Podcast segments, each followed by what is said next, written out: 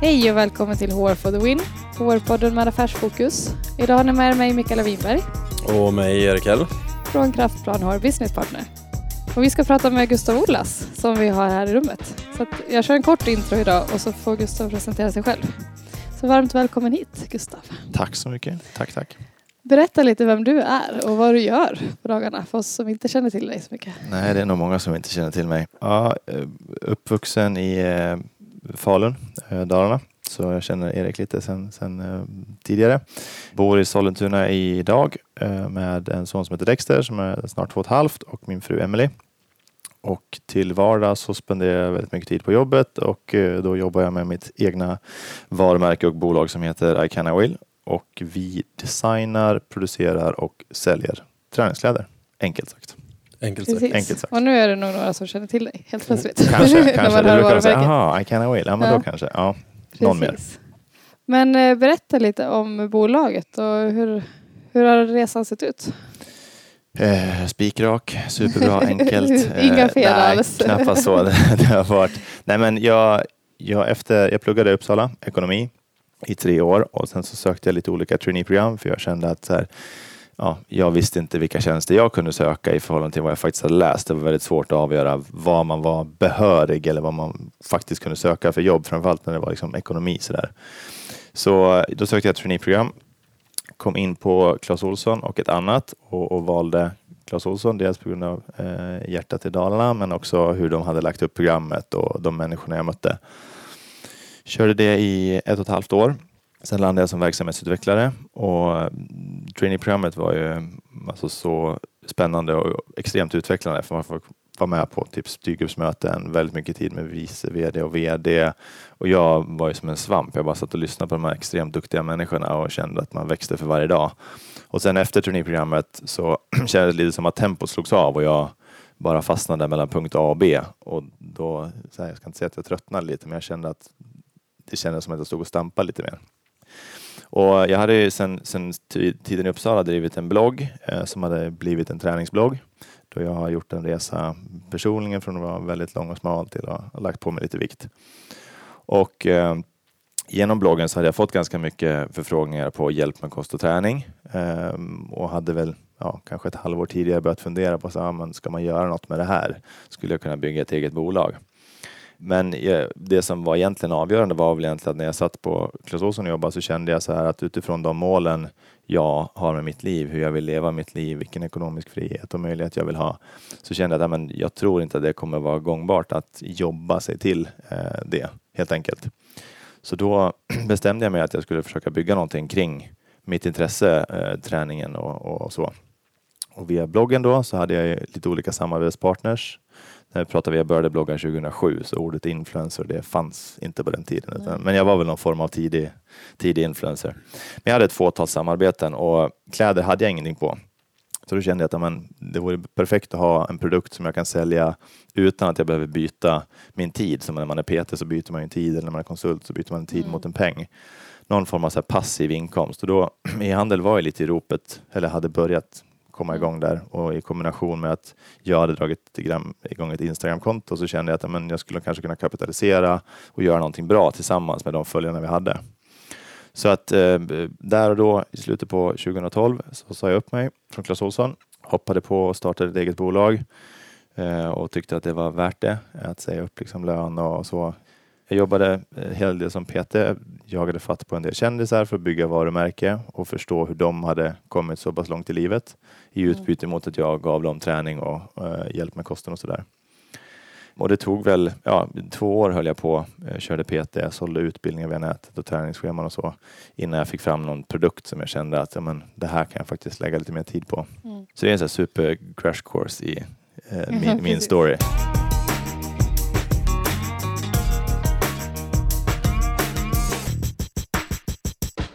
Men de här du jobbade med, de här kändisarna, eller, Mm. alltså det var framgångsrika personer. Du fick Ja. framgångstips av dem då eller? Ja, eller alltså, så här, min, min devis var ju så här, om, om du vill nå långt, om man definierar långt, det är väldigt Ja. luddigt, men om du vill nå, nå långt i livet så vem bättre att, att lära sig av än människor som hade kommit mycket längre än mig. Mm. Ehm, så att dels tog jag då vissa kända inom situationstecken människor för att de hade byggt väldigt mycket varumärke och lärt sig Mm. hantera den delen. Och sen så letade jag rätt på väldigt många eh, människor som kanske inte är så kända men har byggt jättebra bolag på olika sätt som jag hittar de här människorna. Vad lärde du dig av dem då? Jag lärde mig väldigt mycket på Clas Ohlson. Så här, hur man tar hand om kunder, hur man tänker Mm. liksom, försäljning olika kanaler, produktion, allt det här. Det var ju extremt lärorikt. Men eh, alltså, så här, det är ju väldigt mycket, man kan prata med sådana här människor om saker på ett sätt som är väldigt enkelt. Det kan vara så här väldigt specifikt. Det kan man inte på Clas Ohlson, det är ett stort bolag där varje, varje del bidrar himla mycket. Mm. Personer som har byggt sitt eget varumärke eller sitt egna bolag, de har ju gått igenom alla faser som jag skall gå igenom. Mm. Och då tyckte jag att det var bra att fråga innan jag kom in i de här faserna eller inför större beslut. Hur tänkte du? Eh, Har du något tips inför nu och så Mm. vidare. Så det var ju mest alla faser. Ja, Men så här, ska jag skydda varumärket? Hur Ja, registrerar okej. jag ett Ja. varumärke? Eh, vad ska man betala om man köper en domän av någon? Alltså eh, hur Mm. producerar man kläder? Alltså allt det här. Varenda fas så hade jag ett ganska brett eh, bollplank och, och nätverk. Så att det, Det var jätte- högt och lågt. Jättevärdefullt att ha Ja, det. eh, jag, jag vill ju tro väldigt mycket på individens eh, kraft. Mm. Men man kommer ju bara så långt själv. Sen på ett eller annat sätt så behöver man, Mm. behöver man hjälp. Om det är ja, ekonomiskt, om det är känslomässigt, om det är eh, bolagsmässigt, om det är juridiskt. Det, är liksom, det Mm. går inte att köra själv hela vägen. Så att, eh, jag var tidig med att försöka träffa folk som har kommit långt för att jag skulle liksom kunna ha ett bra flow framåt hela tiden. Mm. Det var min, min, liksom, mitt sätt. Ja. Men visst är det så Gustav, nu sen är det ett eller ett, mellan ett och två år tillbaka som ni, du är inte VD längre för Nej. Can I Will utan Precis. du jobbar bara med produktutvecklingen. stämmer bra. Ja. När kände du liksom att nu är läge för mig? Och vad, vad vägde du in i det beslutet? Att, Det var ju flera faktorer egentligen. Dels så, så har jag alltid tänkt så här att om jag vill hellre vara en, en del av någonting stort Mm. än att äga 100% av något som inte kommer att bli så mycket större än där man är. Ja. Eh, Så den hade jag alltid med mig och sen så i och med att jag träffar mycket människor som jag sagt innan som, så har jag så här, ja men är det dags nu för mig att ta in pengar? Så här, ja men vad ska du med pengarna till? Mm. Och så bara, jag vet inte, tjänar du pengar? Ja men varje år har vi tjänat pengar och växt. Ja, men då, liksom, då finns det just kanske inte någon nytta just nu. Mm. Men sen var det ju så, när vi hade kommit så pass långt, jag tror det var eh, 2017 om jag inte missminner mig, så omsatte vi nästan 30 miljoner och hade 10-15 procent av vad vi hade på sista raden. Och då började det bli så mycket pengar och jag kände väl att om jag ska ta ytterligare ett par steg så behöver jag folk som har gjort resan förut för nu Ja. börjar det bli så pass mastigt med anställda. Det blir mycket mer ja, juridik, det är mycket större pengar i varje inköp, det är mycket större liksom hela tiden och jag kände att det började bli för stort för mig själv att ratta det här. Mm. Och det var ju då jag tog, började leta efter investerare som hade, som hade byggt lite olika e-handel och liksom gjort det stort tidigare. Och då kom ju Anders ombord som är, som är VD nu bland annat. Mm. Så det var, dels var det då, eh, jag ville ha pengar för att jag ville kunna fortsätta gasa, men också var det mycket kunskap kring hur man tar det till nästa nivå, för det finns liksom ganska tydliga så här, nivåer eh, inom liksom, e-handel och spränga barriärerna. Och sen kände jag väl också att ja, men, om jag säljer en del så kan jag faktiskt ta hem lite pengar till mig själv också. Mm. Eh, för att jag har varit all in sedan 2012. Jag hade ingen lön de första typ två och ett halvt åren Mm. och sen har jag successivt skruvat upp min lön lite för att se till att allting annat funkar. Ja. Och när man skaffar barn, som vi gjorde 2017, så kände jag också så här, men det kan vara bra att ha någon form av kudde Mm. hemåt om Mm. mot förmodan allt balkar åt pipan. Liksom. Mm. Mm. Så det var, det var lite det här tredelat. Mm. Eh, samtidigt så kände jag också att bolaget och varumärket var på en plats där så här, men nu är det redo att ta lite större kliv. Mm.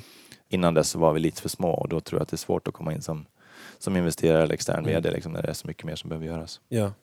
Men hur gick hela den processen till? Tog du in ett liksom, externt bolag, alltså en rekryteringsfirma eller ett bolag som jobbade med searchen? Nej, eller, absolut eller? inte. Nej. Utan eh, investerarna de jagade jag ju själv. Mm. Jag träffade ju eh, ja, alla på marknaden som, som finns utan Ja. att nämna några namn och sen så, så genom, genom bekanta så träffade jag eh, Mikael Winsell och genom han så träffade jag de andra tre. Så de är en grupp som, Mm. som, som har gått ihop kan man säga. Mm. Och sen var det ju, jag hittade Anders, det var ju genom dem. Ja.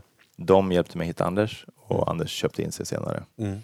Så att det var liksom en, en trestegsraket lite kan Ja, man jag säga. Eh, Men det är, det är extremt svårt. Jag, jag, jag förstår fortfarande inte egentligen hur den processen går till. För det är liksom som att så här, säg att du går på en blind date med någon Mm. och utifrån det så säger de så här, ah, men vi tycker om det, vi tycker om ditt bolag, det finns potential. Mm. Och sen så kanske man möts en gång till och sen så, ska man typ skriva ett kontrakt och de ska ta en del av bolaget. Det är Mm. väldigt surrealistiskt, Ja. att man så här bara litar blint på att det ska funka. Mm. Vi hade väl en lite längre process för att jag kände att jag behövde liksom bearbeta det mer. Mm. Så här, jag tyckte det blev jättebra. Mm. Men har, var det svårt, just den processen att kliva av, att ha liksom full kontroll till att, att släppa in och ta, inta mer en annan roll? Jag tycker nog inte det. Nej. Jag var ganska redo för det kände jag. Mm. När man har kört själv så länge och liksom hela tiden slitit och krigat så är man lite halvtrött också. Eh, så jag tror att det är en bra kombination. Liksom. Så här, men jag orkar inte riktigt gasa på den här farten Nej. i all oändlighet. Mm. Så jag behöver någon som kan springa bredvid mig. Plus att jag tror att om man, om man gör det man är bra på, liksom man lägger mer tid på det, Mm. så tror jag att det blir en win-win för alla. Och Ja. jag är ju mer, jag brinner mer för produkt och varumärket. Mm. Mm. Eh, och Anders är ju väldigt, väldigt duktig på de andra delarna. Så att i den, den mixen tror jag är jätte, jätteviktig. Och det är ju superhäftigt. Jag har ju följt dig liksom på håll, både via sociala medier, sen har vi stött på varandra ibland om man har fått någon uppdatering sådär. Men det är ju superhäftigt att se den utveckling som bolaget har gjort bara de senaste åren. Hur ni har växt och, och sen när Anders växlade på som Mm. VD. Och, ja, men jag tänker, vi har ju missat en... eh, Jag har ju hört din story Mm. flera gånger Ja. Gustav. Så att eh, jag tänker att vi missar en ganska viktig del. Just namnet Mm. på bolaget. Mm. Det har ju en alldeles egen story. Ja, det är väl en Ja, liten okej. separat kan man Ja, säga. kan du inte ta den? Jag tycker den är bra. Nej, men när jag pluggade i Uppsala så eh, återigen alltid så här, för gillat att utmana mig själv så bestämde jag mig för att jag vill inte ta något studielån utan jag vill bara ha eh, bidraget och sen så får jag finansiera resten eh, själv. Okej. Så då bestämde jag mig att ja, men jag, ska, jag ska jobba på somrarna och parallellt med studierna för att eh, mäkta med, helt enkelt ekonomiskt. Och sen ungefär ett år in så, så jag minns inte om jag lyssnade på en podcast eller om jag såg någon dokumentär eh, där det var någon atlet som hade skrivit I can't wait på en post-it-lapp och satt på badrumsspegeln för att man skulle se det, första man såg på morgonen och det sista när man, liksom på kvällen när man gick och la sig. Mm. Så jag gjorde ju samma sak Ehm, och skrev det där och, och satte upp på, på spegeln för att liksom påminna mig själv att ja, men dels var det träningen, att liksom ge allt varje dag och sen så resten liksom sköta studierna och, och sen var det jobbet on top.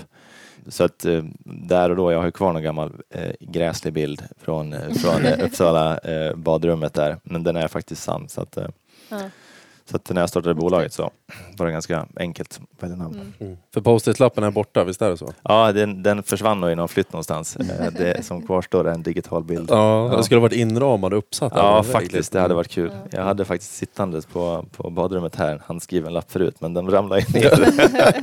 Värdelöst. Vi pratar ju ganska ofta om organisationskultur när vi träffar folk och vi har haft något avsnitt i podden också. Mm. Är det någonting som du har haft med dig när du har byggt det här bolaget? Alltså värderingar och vad står ni för? Ja, jättemycket skulle jag säga. Mm. Eh, Det har varit, eh, och det har ju också genomgått en ganska stor förändring eh, sen vi växlade på med VD och så.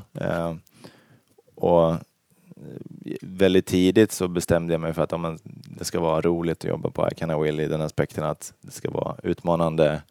Man ska tvingas liksom utmanas i det man gör och inte bli statisk. Men, men också att man ska de använder ett ord förut som heter kasta fisk. Jag vet inte om ni har sett den dokumentären? Nej. Nej, det är en kille som säljer fisk i London, vilket är ganska tråkigt och äckligt. Men de har gjort en rolig grej av det som står liksom och kastar de här fiskarna över ståndet ganska långt och fångar dem och liksom skrattar och har kul på jobbet. Ja. Ja, okej. Eh, Det här såg vi på Clas Ohlson. Så jag tog med mig lite där och försökte liksom hitta sätt att ha kul på jobbet. Göra mycket saker ihop och ge folk ansvar. Mm. Eh, Och den första anställda, tredje, fjärde, femte, alla gick liksom i den och jag brydde mig absolut inte om folk var på kontoret. För de hade ganska stora arbetsuppgifter. Jag visste liksom, ni behöver göra det här. Sen om ni är hemma, om ni är här, jag bryr mig inte riktigt så länge ni gör det. Jag litar blint på er. Ja. Och det där har man ju lärt sig, jag ska inte säga den hårda vägen, men det har ju varit, när man gått på lite nitar efteråt, man har insett att man kanske var för snäll som chef. Att vi vart, det vart väldigt mycket kompisanda. Mm. Vilket gjorde att jag inte kunde vara chef utan då var det ett personligt, eh, nästan Mm. det var personligt för att vi var så nära allihopa. Mm. Och det har vi gjort om lite sen Anders kom in. Att, att det blir mer, liksom, vi ska absolut ha kul på jobbet men det innebär inte att, att det ska vara hur fritt och, och liksom gott som helst. Att det ska liksom vara lösa boliner utan vi ska fortfarande ha strukturen och liksom de tydliga arbetsmomenten och uppgifterna och ansvaren. Men on top ska vi fortfarande stilla ha kul, göra saker ihop och liksom fira framgångar och göra små event och såna grejer som vi försöker göra.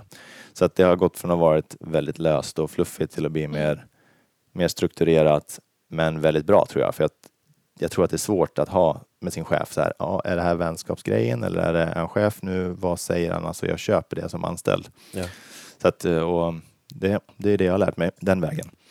Så Mm. det, det är svårt. Men kulturen i bolaget har alltid varit att vi ska ta hand om varandra. Vi ska ta hand om våra kunder. Vi ska göra bra grejer och folk ska kunna liksom lita på oss. Mm, mm. Det, och det jobbar vi fortfarande med jättemycket. Jag tänker, vi som har följt dig lite på håll, både via sociala medier och eh, kanske i synnerhet när, när du hade den träningsbloggen som var väldigt, väldigt stor. Så där fick man hänga på de tidiga liksom, stapplande stegen i, i det som idag är eh, det kontoret vi sitter i. Mm. Det som framgår ganska tydligt där är ju att du, vi pratade lite om det innan podden, att du är ju tydligt, ja, väldigt målmedveten som person, men också det här ett, ett mål utan en plan är ju någonstans, ja, det, det är ju en dröm. Ja, Sådär. ja. Nu när du tittar tillbaka på de tidiga liksom, stapplande stegen, vad kan du se som liksom, nyckelfaktorer till att ni landade där ni gör idag? För det är ju en ganska konkurrensutsatt marknad, ni är ju inte de enda som gör träningskläder. Nej, långt ifrån. Mm. Ehm, och skulle man starta nu skulle det vara ännu tuffare Mm. på något vis. Alltså jag, jag tror det är säkert många som säger samma sak, men det är ett visst mått av tur i tajmingen skulle jag säga. Mm. Där och då så stod jag och kollade på träningsmarknaden och det fanns typ ett, två märken i, i Sverige som var lite heta och de gjorde ganska tråkiga svarta saker, väldigt lite färg. Mm. Så min approach var att säga, men om alla går dit och gör så här, då kan jag försöka göra något annat. Så vi klev ju på med väldigt mycket färg, väldigt mycket mönster på tights och så här och hittade ett sätt att jobba med det som gjorde att vi stack ut och, och fick lite traction tidigt. Så att ja, tajmingen eh, var ju såklart eh, stort bidragande. Men sen hårt jobb och antal timmar, där har jag nog legat gott till. Alltså i början så är det ju bara timmarna du har. Du har inga pengar. Jag har aldrig haft några pengar när jag startade bolaget utan jag tog en bild på min fru på tightsen, sålde dem och sa att det var tre till fyra veckors leveranstid. Och när jag hade fått tillräckligt många beställningar så kunde jag köpa för de pengarna jag hade fått in hos min producent. De Ja. gjorde dem, skickade grejerna och sen skickade jag ut dem. Det var liksom on demand printing på, på tightsen för att jag hade inga pengar. Och så fick jag göra i början. Man tvingas ju fundera ganska mycket hur man ska bedriva sin business när man inte har de, varken kunskapen kring kläder eller kring e-handel. Och då blir man ju, då blir timmarna väldigt, väldigt viktiga. Mm. Så jag la ju väldigt, väldigt mycket timmar på det. Och sen är det ju, ja, jag tycker det är svårt att hitta vissa faktorer. Jag har försökt gjort, som jag sa tidigare, vi har bara försökt fokusera på att göra bra saker, ta hand om våra kunder Mm. och bygga ett varumärke som är liksom inkluderande Mm. för både herr och, herr och dam.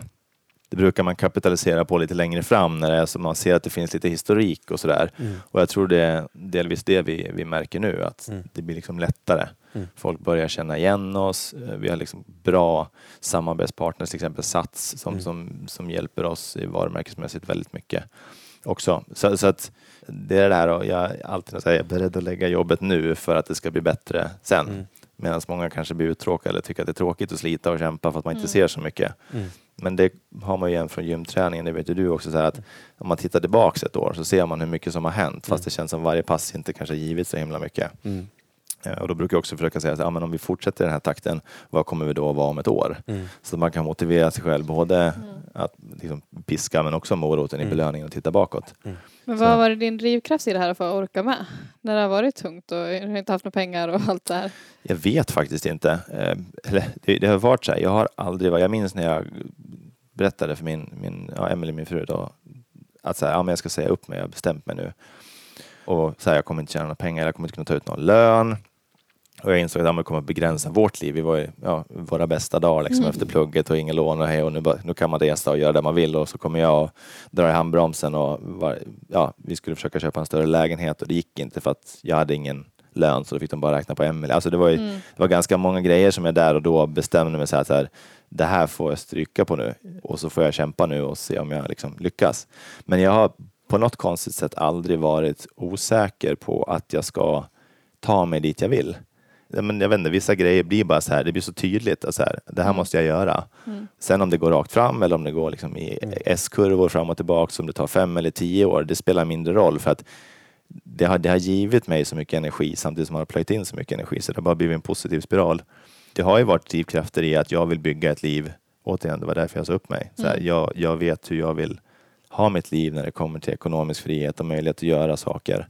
Och jag, jag kan inte tänka mig ett annat liv Nej. idag än, än det jag lever. Mm. Eh, sen skiljer ju inte det sig så mycket från att vara anställd för jag går ju till jobbet, gör mina timmar och jobbar extra hemma och sådär. Så det, liksom, just nu är det inte så stor skillnad men jag vet ju att jag kommer en bra bit på vägen till att bygga det liv jag vill ha. Så att, Mm. Det är väl det som har varit min, min största drivkraft tror jag.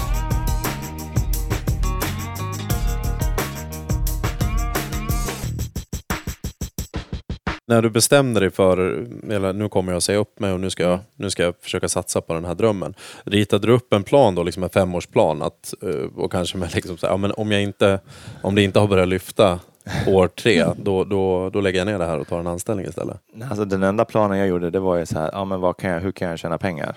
Mm. Ja, men jag, kan, jag kan sälja PT-timmar, Mm. jag kan sälja utbildningar på nätet och så kan jag försöka hitta någon produkt. Mm. Eh, De två första visste jag att jag kunde tjäna pengar på från dag ett, för det hade Mm. jag liksom fått bekräftat från bloggen. Så där har jag sagt så här, ja, men nu kommer jag starta bolaget om eh, tre månader, så liksom ställ er i kö om ni vill ha hjälp. Så att liksom redan första dagen så satt jag och hade jobb att göra. Mm. Men annars utöver det så hade jag ju ingen plan, utan det var ju så här, jag hade kanske, inte vet jag, kanske 150 000 undanstoppat som jag hade liksom bestämt mig tidigt, att jag lägger undan halva lönen och, och sparar de här pengarna Mm. för att kunna ta mig igenom första året. Typ. Så det var de pengarna jag hade och då var det bara så här, ja, men om det, de tar slut så har jag inget val. Då måste jag ju gå Mm. tillbaka och börja Ja. jobba någonstans. Men jag lyckades ju uh, fippla upp så att det, det fanns pengar Ja. lite längre fram också. Mm. Ehm, så, ja. Luddigt men svårt svar. Nej, jag hade ingen plan. Nej. Jag hade ingen budget, jag hade ingen affärsplan. Jag hade ju ingenting av det där som man säger att man ska ha. Nej. Utan jag hade någon slags bild av att jag visste ungefär vad jag ville göra. Mm. Och vilket förvånar mig lite, alltså, på ett sätt i och med att man Mm. har följt, alltså, genom ja, den tidiga mm, delen med träningen Mm. och hur dedikerad du var där och hur du liksom minutiöst med liksom, Ja. programmet inför tävling och Ja, så ja. vidare. Ja. Ehm, så att jag hade nästan utgått ifrån att du Nej, hade men det, på något sätt var det något annat, för träningen kände jag mig extremt bekväm i. Den Mm. visste jag ju precis hur den funkade. Jag hade ju läst hur det funkar. Du kan ju liksom inte läsa någonstans, hur är det, vad gör man för att driva bolag? Nej. Så här, och jag kollade på de här affärsplanerna och bara så här, syfte och mål. Jag bara, alltså, det här är för luddigt. Mm. Det, det, det funkar liksom inte. Eh, sen tror jag absolut att det är bra att göra. Jag ska inte liksom skära det så. Vi jobbar med mycket av de här grejerna nu. Ja. Men, men där i början, så, så jag, det är bättre att jag lägger tid på att jobba än att lägga tid på att försöka skriva ett dokument. Mm. Som, ja, så kände jag. Ja. Mm. Vad har varit de allra största utmaningarna under det här byggandet? Att vara själv är ju en, en utmaning. Dels för att när det är tufft så jag, jag är en sån person som är värdelös på att fira. Eh, Mm. Jag tycker inte om typ champagne eller alkohol och sådana där grejer. Så att, Mm. eh, jag vet inte, och plus att jag är aldrig nöjd. Jag är livrädd för att det ska, eh, man ska vakna upp dagen efter och så är det allting borta. Mm. Eh, så det här med att fira, det har blivit liksom en så här Äh, då har man satt nästa mål och är på väg mot det så då kan jag stryka firandet. Mm. Eh, så att det, det är jag inte så bra på. När man är själv, i alla fall för mig då, så när det blir tungt så kan man ju då fråga sina kontakter och vänner och sådär. Men det är ofta bara, man får ofta bara ett svar eller en tanke eller så här, man kan ju si eller man kan ju så. Och så sitter jag och maler de här, jag är väldigt mycket liksom analyserande och tänker och sådär. Och då kan det bli väldigt svårt och tungt för en själv när man bara är själv. Kontra nu när Anders säger så här, bara, "Ah, men jag har varit med om det förut, typ så här borde vi göra och så kör vi och testar bara. Ja. Ah, Okej, vad skönt, så bara går man Mm. vidare. Men när man är själv, så i alla fall jag, fastnar ju mycket i det. Och så, här, men gud, hur ska jag göra? Vad är det bästa? Vad borde jag göra? Kan jag säga så? Kan jag göra detta och detta? Mm. Så det är lite tufft att vara själv då, men samtidigt också väldigt givande och utvecklande. Eh, Det andra är väl så här, ja men vi hade ju 2018 var ju ett så riktigt eh, motgångsår hela Mm. vägen. Vi kom från ett jättebra 2017 och in i 2018, de första två månaderna gick också jättebra. Vi hade jättebra tillväxt. Jag hade gjort någon tidningsartikel och där de hade sett min årsredovisning och så här ville skriva om vad vi skulle och sådär. Och sen precis där i första kvartalet så signade jag med investerarna. Och sen så, vår storsäljare produkt började gå sönder. Vi hade köpt jättestora volymer Mm. och vi sålde väldigt, väldigt mycket av den. Så mycket, mycket av omsättningen och, och det kom från den produkten, så den började gå sönder. Och sen så hade vi haft under ett par år en varumärkestvist med Under Armour, en stort, ett stort amerikanskt Mm. eh, träningsklädesmärke. Då fick vi lov att lösa den där och då eh, av olika anledningar. Och det innebar i princip att så här, vi hade ett lager på ungefär 5 miljoner med en, eh, om man säger gammal logga som vi var tvungna att göra om. För det var det vi kom fram till att vi till slut beslutade Oj, för att vi skulle ja. fortsätta. Det enda sättet att bli av med så pass mycket plagg och kläder under så pass kort tid som vi hade på oss, lite mindre än ett år, var egentligen att rea ut produkterna. Mm. Eh, och när du rear så tappar du alla marginaler och de återförsäljarna som vi hade, de stod för väldigt mycket av omsättningen då. och de fick ju fokusera på att sälja ut sina grejer så de köpte inget nytt. Och Nej. de nya grejerna som vi skulle släppa och, och sälja mycket av, de fick vi pausa och göra om, byta hangtags, påsar, tvättlappar, tryck, eh, allting. Oj. Från typ mars tror jag så var det röda siffror varje månad oavsett hur hårt vi jobbade liksom, och hur mycket vi Mm. kom upp i omsättning så vart det bara, ja, det vart bara röda siffror ändå. Mm. Och sen under det året så, så hade vi hade nog några i mitt, eh, av mina anställda, eller alla då, fått jobba lite för hårt. Så jag hade nog varit lite för snål och investera i personal. Och de hade jobbat väldigt mycket och var extremt engagerade och committade. Och det tog väl ut sin rätt så de var lite trötta och kände att de behövde liksom göra något annat för att eh, varva ner. Det var liksom produktionsstrul, försäljningsstrul eh, och när vi bytte ut personalen så insåg jag ju att han som var med från början, han, var inte, han, hade, inte en, alltså, han hade inte en tydlig roll utan han hade en funktion. Ja. Han var inte bara liksom försäljare mot återförsäljare utan han hade även inköp och planering och administration. Mm. Så när han försvann så var det så här, okej, då behövs inte en, kanske två eller tre för att ersätta han. Mm. Och vi tjänade inga pengar så jag vågade inte anställa. Alltså det var liksom, det var, Oj, ja. Och så då pressen när man har sålt in ett bolag som har gått bra och visat bra siffror och sen så eh, köper de in på det och sen så börjar allt eh, gå åt andra Mm. hållet och man står där och kan inte vända skutan. Och så är man själv på det. Så det, det året var ju extremt tufft Mm. ur alla perspektiv. Jag så att, det. eh, ja. så det, det är väl det. Och sen så eh, när man, när man driver alla bollar själv så är det också jättesvårt. Hur blir vi bra på eh, själva e-handelsupplevelsen? Liksom hur blir vi bra på produkten? Hur blir vi bra på marknadsföring? Så att det är många bitar som är tuffa. Men eh, om det inte hade varit värt det så hade man liksom slutat Mm. någonstans också. Mm. 2018 var ju ett sånt jätteutmanande och tufft år men samtidigt så kom vi ju väldigt eh, kloka och visa ur det. Eh, och hade jag inte sålt det så hade delarna, andelen innan så hade jag ju gått i konken. Mm. De pengarna som skulle gå till tillväxt eh, och visa ännu bättre Mm. siffror, de gick till att finansiera en förlust. Liksom. Mm. Ja. Mm. Ja, det var ju mentalt jättestressande för mig såklart, framförallt mot, mot investerare och så. Mm. Så motgångar blir lite kämpigt när man är själv hos kanske. Precis. Ja. Ja. men verkligen. Men jag tänker, hur ser... eh, Hur mycket kan du berätta om liksom framtidsutsikterna nu för Icana Will? Vad liksom kommer hända de kommande, kommande åren? Ehm, eh, mycket hoppas jag. Ja. Eh, dels så jobbar vi ju väldigt mycket med produktsortimentet för vi, vi behöver fortfarande lära oss ju varje dag Mm. vad vi säljer och inte och varför och sådär. Så det är ju en, en, en resa. Och sen jobbar vi med, med organisationen, hur vi finslipar, hur mycket chefer behöver vi ha, hur mycket mellanchefer, Mm. hur mäter vi? Eh, har vi koll på alla siffror hela vägen? För ju större det blir desto hårdare slår det när man missar saker. Mm. Och sen också så här, hur kan vi stärka varumärket i en, som du säger, kon- extremt konkurrensutsatt marknad? Eh, vad vill vi förmedla och hur gör vi det? Vilka marknader ska vi finnas på? Mm. Det är också så här, nu går Norden väldigt bra Mm. eh, och så ska man ta lite kliv utanför det. Då, då tar det mycket kraft och fokus från organisationen. Mm. Det är jättemycket. Eh, vi har ju, jag har fortfarande jättekul på jobbet och tycker att det är svinroligt. Men varje projekt som man ska ta sig an blir ju mycket, mycket större och kräver mycket, mycket mer. Ja. Så det kan ju krama musten nu ibland också. Så här, ska vi verkligen göra det här? Mm. Vi vill ju fortsätta växa och ta, ta marknadsandelar såklart. Mm. Och göra det på ett, på ett bra och hållbart sätt. Jag menar, hållbarhet inte minst, är ju någonting som, som är extremt på tapeten. Eh, Så att det är många utmaningar men, men jag tycker det känns väldigt spännande där, Ja. vi, är- där vi är nu. Jag tänker vi är inne och snuddar lite på det här med, personal och tillväxt och också ta hand om dem man har. Och, Mm. och så. Hur ser du på HR? Vi är ju ändå en HR-podd så jag tänker vi Mm. behöver komma in Ja, på precis. det spåret lite grann. Ja, alltså det är något form av, för oss är det något form av gemensamt kollektivt Ja. ansvar i och med att vi inte har en någon som är helt eh, dedikerad till, till den delen. Så att mycket av ja, eh, man ska säga, det administrativa handlar ju fortfarande på Anders som VD liksom, Mm. i form av alla, alla avtal, löner, utbetalningar och sånt. Men annars HR för mig är ju mycket någonstans så att personalen har det bra på arbetsplatsen. Och nu sitter vi i en lokal som är typ 200 kvadrat Mm. Eh, och vi är närmare ja, 20, mellan 25 och 30 här på dagarna på en toalett bland annat. Så Mm. det, är liksom, det är inte fantastiska förutsättningar. Eh, luften kanske inte riktigt är dimensionerad för det här. Nej. Så som jag sa tidigare idag har vi skrivit på en ny lokal. Eh, så det är ju någonting vi gör också för att vi vill att personalen ska ha det trevligt. Vi får möjligheter att kanske ha vissa typer av ja, men, eh, relaxavdelningar eller möjligheter till liksom, lite roligare grejer på kontoret Mm. som man kan göra för att ja, slappna av på lunchen eller sådär. Ja. Eh, Men det är ju lätt att, jag känner att det är lätt att det blir nerprioriterat, i, framförallt när man har hög tillväxt och, Mm. och liksom det är väldigt mycket som pågår hela tiden. Mm. Då kör man på och sen ofta så dyker det upp någonting som inte funkar eller någon blir sjuk eller det händer någonting och så måste man ta tag i det. Då slås, det, slås man ofta av hur beroende man är av, av de här människorna. Ja. Så dels har vi ett jobb i att bygga en organisation som funkar och inte är liksom personberoende Mm. form av struktur och så. Men sen också alltså, se till att vi faktiskt skapar en bra arbetsmiljö. Mm. Eh, har en arbetsplats som är rolig att gå till och där folk mår bra. Ja. Mm. Så det är lite så jag ser på, Mm. på HR. Sen får ni med input, ni som har bättre koll. Men, men, Ja. ja. Jag hugger in på ett spår direkt. Ja. Ja, jag är ju rekryteringsnörden Ja. i, eh, på Kraftplan. Jag tar den självutnämnda Mm. Mm. titeln. Märkligt.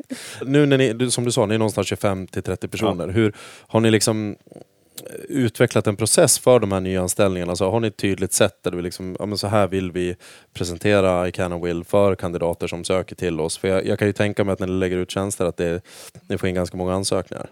ja, det är ju en förmån som vi har. Eh, Ja. Sen vet jag inte vad det beror på. Eh, Men det är väl för att man anv- alltså de som söker använder säkert produkten själv. Säkert, säkert. Jo, men, och, det, och det tror jag kanske så här, om man, så här, att- att man märker när folk hör av sig att det kanske är så här, ja men det verkar så himla kul, ni gör så bra produkter. Mm. Och så här, ja absolut, vi har stundtals eh, roligt på kontoret och tillsammans så här. Men det är ju det man inte ser och som jag tror alla som har drivit något bolag vet är så här, man visar upp liksom en, en liten, liten procent mm. av det och resten är ganska, kanske inte tråkigt då, men det är väldigt många timmar där det inte är så glamoröst och Mm. roligt. Så där får vi kanske försöka eh, så här, att vara tydliga när vi så här, så här, vi är ett bra bolag och vi försöker göra det här men det är också liksom, det är fokus på arbetet för annars har vi ingenting att gå till. Liksom. Det finns inget arbete. Men gällande rekrytering och så, så vi har ju vi har haft förmånen skulle jag säga att, att hitta ett sätt med liksom, att introducera praktikanter eh, in i, i bolaget. Och jag har alltid haft ett tänk kring praktikanter. Jag minns min första förfrågning jag fick var så här, nej gud jag vill inte ha en praktikant för att vad ska jag hitta på åt den? Ja. Eh, Medan när Anders började så, var han, så hade han en approach som var mer så här, ja men absolut, vi tar in praktikanter eh, och så ger vi dem en nyckel och så ger vi dem samma rollbeskrivning som de som är anställda på den positionen och så får de vara en anställd från dag ett. Liksom. Mm. De får onboarding och hela den här grejen och sen förväntas de jobba precis som alla andra. Ja. Och jag satt och funderade lite på det här taget. Bara, "Jaha, är det riktigt bra? Ska vi ge nycklar till alla som kommer och springer här? Men, men det har ju givit en, en, en enorm eh, alltså inkörsport i vårt bolag. Mm. Vi har jättemånga som har gjort praktik här som börjar jobba sen för att det är ett jättebra sätt för oss att se hur de funkar i gruppen. Eh, hur levererar de? Eh, vad liksom, eh, annars har jag, känner jag generellt att folk skriver CVn för att de tror att man vill höra det här. Eller så här, om jag skriver det här då, jag kan ha många bollar i luften, jag jobbar bra i grupp och själv. Eh, så här. Ja, Och så kommer man hit och, ja, precis, liksom, allt det här. Precis, Bara, det är eh, och så kommer man hit så bara, men vad i det här är det som stämmer överens? Mm. Så att därför tycker jag att det är precis som, som ett internship eller som en vanlig praktik, Mm. alltså så här, det är ju en jättechans att visa framfötterna och kolla hur det funkar. Mm. Så att vi har anställt en hel del eh, i, på vissa positioner genom så. Mm. Eh, och andra så, de senaste tjänsterna vi har tillsatt så har vi haft en byrå som har gjort allting åt oss. Eh, för att det har varit en ganska specifika roller och personer med Ja. erfarenhet. Mm. Och däremellan så kör vi nog som alla medelstora bolag väldigt mycket själv. Mm. Anders tar första, jag kan ta andra och Just. så, så stämmer vi av och ser om vi tycker och känner likadant. Så att eh, det är tre spår kan man väl säga beroende Mm. på vad vi letar efter. Just det. Ja, och de kompletterar varandra väldigt bra Mm. beroende Mm. på vilken tjänst och, och vilken person man söker skulle jag säga. Ja, för under den här tillväxtresan måste det ha varit enormt viktigt att få in rätt personer. Ja, Det blir så sårbart när man är så ja, ja, ja, ja. Och jag menar de, de personerna, de fyra första anställda jag hade, Mm. hade inte de varit dem och lagt sin själ i det här så hade vi inte varit där vi är nu. Mm. Eh, Men idag tror jag inte att det är bra att man, att man går så och blir så liksom committad och all in på något vis. För att idag är vi mer ja, men, struktur och liksom lite Mm. fyrkantiga. Mm. Så det är inte det, så här, missförstå mig rätt, det, inte, det spelar ingen roll om jag lägger två timmar till varje kväll nu. Mm. För att maskineriet är så bara stort att det inte det ger ingenting. Nej. När jag var själv så gav de där två timmarna jättemycket. Mm. Liksom så. Men när vi är så här stora, då är det ju mer att det är viktigt att man är effektivt strukturerad och jobbar när man, när man förväntas jobba. Mm. Då blir de här extra timmarna kanske mer förödande i det långa loppet, att man inte orkar eller känner stress och så vidare. Så skulle jag säga. Ja. Det är olika faser är beroende av olika typer av människor.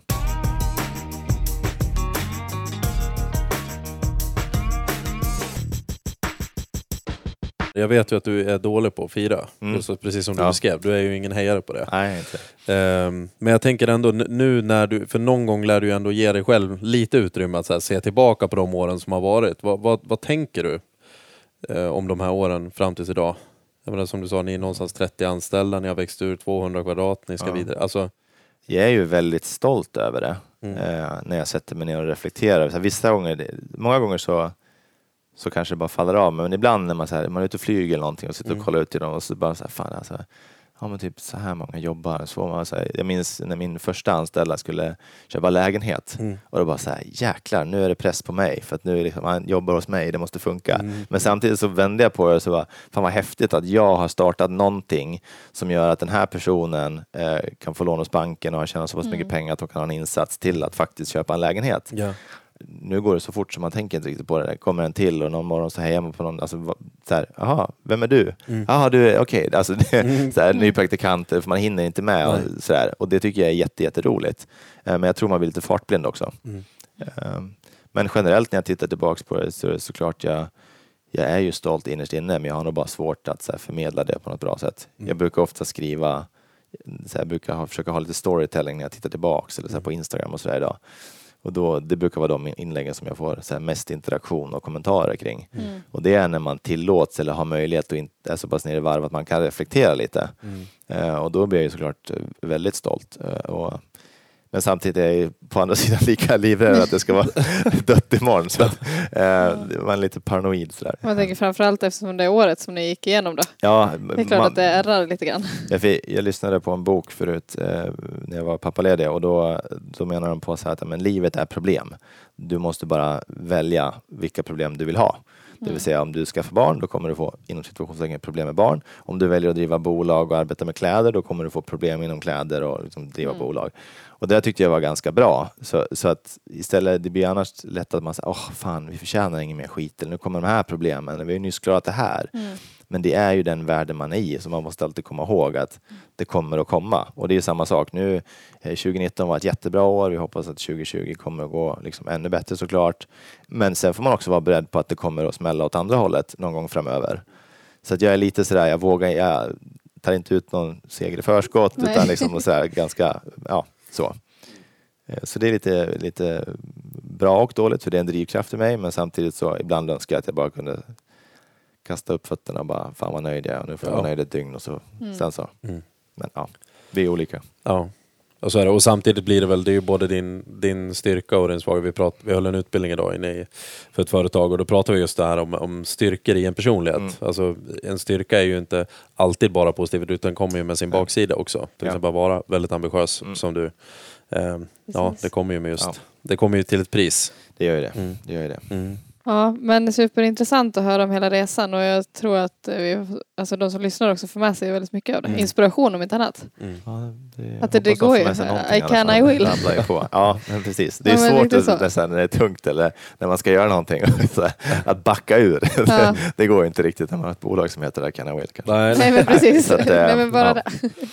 Det är bara tatueringen som saknas. kanske. så är man fast på riktigt.